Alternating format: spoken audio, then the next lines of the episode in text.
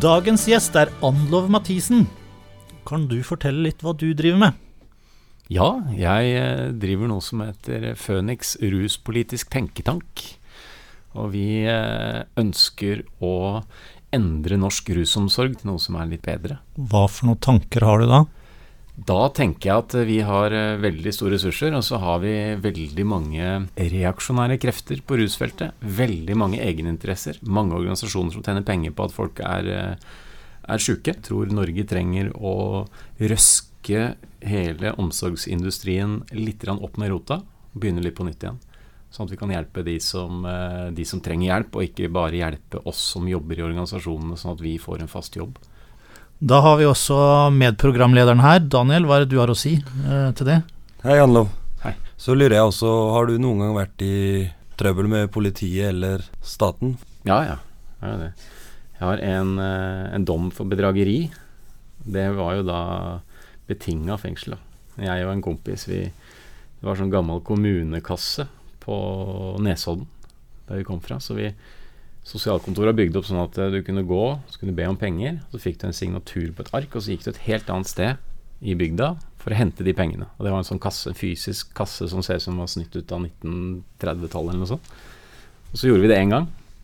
Og to ganger etterpå så forfalska vi det skjemaet og den underskriften, og så gikk vi i den kommunekassa. Den siste gangen jeg gikk opp der, så sto det en eller annen og venta. De hadde tydeligvis gjennomskua hva som skjedde. Så jeg løp ut i skauen og stakk fra hele greia. Fem år seinere så ringte det fra Oslo politikammer og lurte på om jeg var eh, den jeg var. Og om jeg eh, ville stå til ansvar for de pengene jeg hadde stjålet fra Nesson kommune. Og det var jeg jo villig til. Jeg skjønte at de hadde underskriften min og sånn, så da, da ble jeg dømt men det var jo ikke noe fengsel der. Men så har jeg hatt et eh, par opphold på glattcelle. Ja ja, så du er en luring, med andre ord? Jeg er en luring. Åssen eh, får du tak i pengene i dag? Pengene?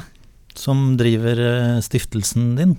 Ah, for eh, Jeg tenkte på siden du har vært en luring før, åssen får du tak i midlene til å drive bedrift? Ja, jeg var så heldig at jeg fikk en eh, pris for eh, et år tilbake.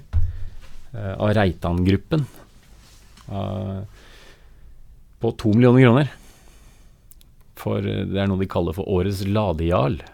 Mm -hmm. Og store deler av de midlene bruker jeg til, eh, til foreningen min og andre prosjekter som jeg har satt i gang. Som er eh, også litt beslekta. Som skal eh, forhåpentligvis klare å sysselsette rusavhengige på, på nye måter. Som f.eks. hva? Hva vil du ha dem til å gjøre? Hva er planen? En av de første tingene er kafé for narkomane. Som skal drives av folk som har gått over i LAR eller gått opp på metadon. Og tilby en arbeidsplass sånn at folk kan komme seg vekk fra gata og, og få en slags skolering. Ja, det er jo en veldig fin tanke og idé og plan, det. Det står respekt av det.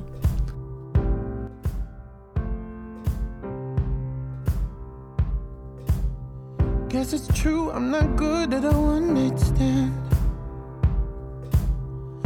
I still need love, cause I'm just a man. These nights never seem to go to plan. I don't want you to leave, will you hold my hand? Oh, won't you stay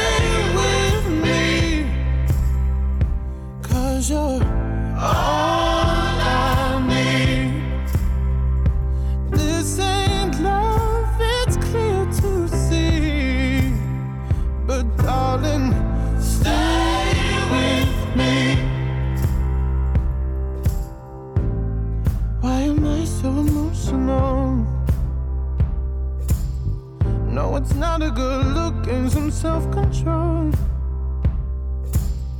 Deep down, I know this never works. But you can lay with me so it doesn't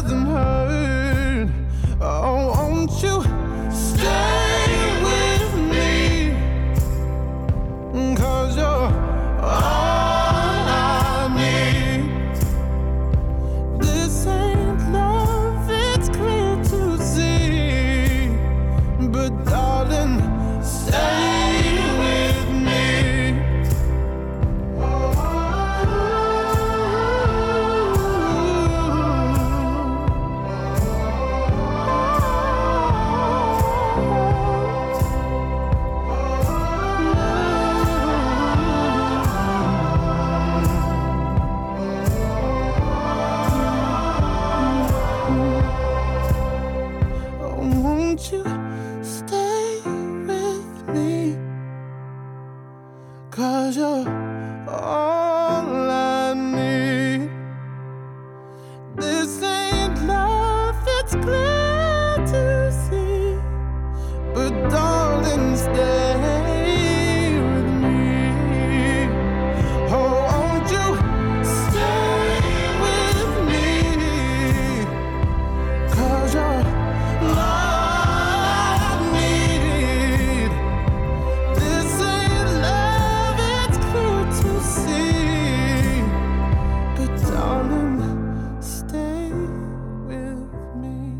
Det er Osman og Volley. Ja.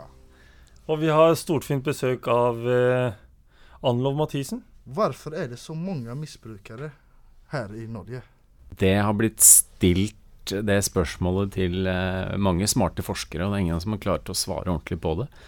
Eh, vi har mange misbrukere på den måten vi har det, delvis, tror jeg, fordi vi har en sånn fyllekultur som er veldig spesiell.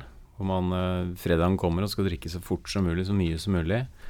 Det gjenspeiler seg kanskje litt i måten man eh, tar dop på, som gjør at man bruker mye mer sprøyter, som også er mer effektivt økonomisk. Jeg er fra Sverige. Vi har jo eksakt samme drikkekultur, kan jeg Mm. tenke meg. Mm. Men jeg tror at det, det kan være pga. at narkotika er så lett tilgjengelig her i Oslo Mm. mot andre steder. Mm. Her så ser de folk på Karl Johan og på Plattan helt öppet. Mm. Det første jeg så når jeg kom til Oslo, Mm. var misbrukere Mm. og uteliggare. Ja, det er veldig tydelig. Varför er eh, ruspolitiken som den er? Vi har en veldig sterk eh, avholdsbevegelse i Norge. Den står fortsatt veldig sterkt. Altså mange moralister som mener at moral mer enn helse skal styre ruspolitikken. Som gjør at man kan være imot å dele ut heroin, f.eks. Det er greit. Men man, det, man bør egentlig ikke være imot å prøve det. Men i Norge så er man imot å prøve det også. Det er veldig spesielt. Alt som lukter av liberalt, det er ugreit. Og det må gjennom veldig mange års prosesser før man kan teste ting. Men det har jo fungert veldig effektivt i länder som Schweiz med å gi ut gratis heroin til misbrukere. Ja. Og det har senkt den vanlige gatukriminaliteten. Mm. Tror du om du viser de statistikken, det skulle hjelpe? Ja, det har man gjort. Og så er det mange som er uenig i at det er så vellykka, for det er mange andre ting de har gjort også. De har vært veldig offensive med bruk av justis. Veldig mye politibruk. Altså mye mer enn mange er klar over.